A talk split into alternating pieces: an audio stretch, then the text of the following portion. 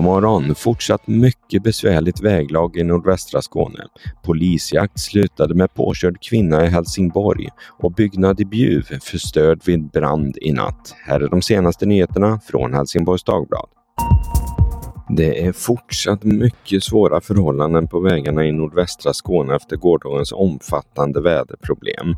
Nu på morgonen är E6 utanför Helsingborg avstängd i södergående riktning efter en olycka i natt med en lastbil där olja läckt ut på vägen. Eh, e E6 är avstängd precis norr om trafikplats Helsingborg södra.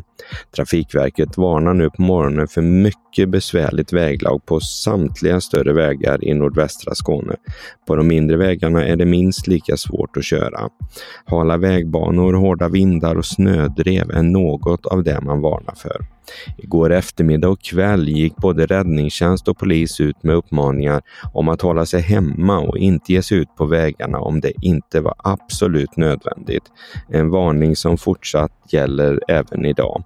I mellersta Skåne där flera hundra bilar fastnat på E22 efter olyckor fortsätter evakueringsarbetet nu på morgonen. En del har då suttit i snödrivorna i över ett halvt dygn. Igår eftermiddag jagade polisen i Helsingborg en bilist som vägrade stanna efter att polisen misstänkte ett trafikbrott.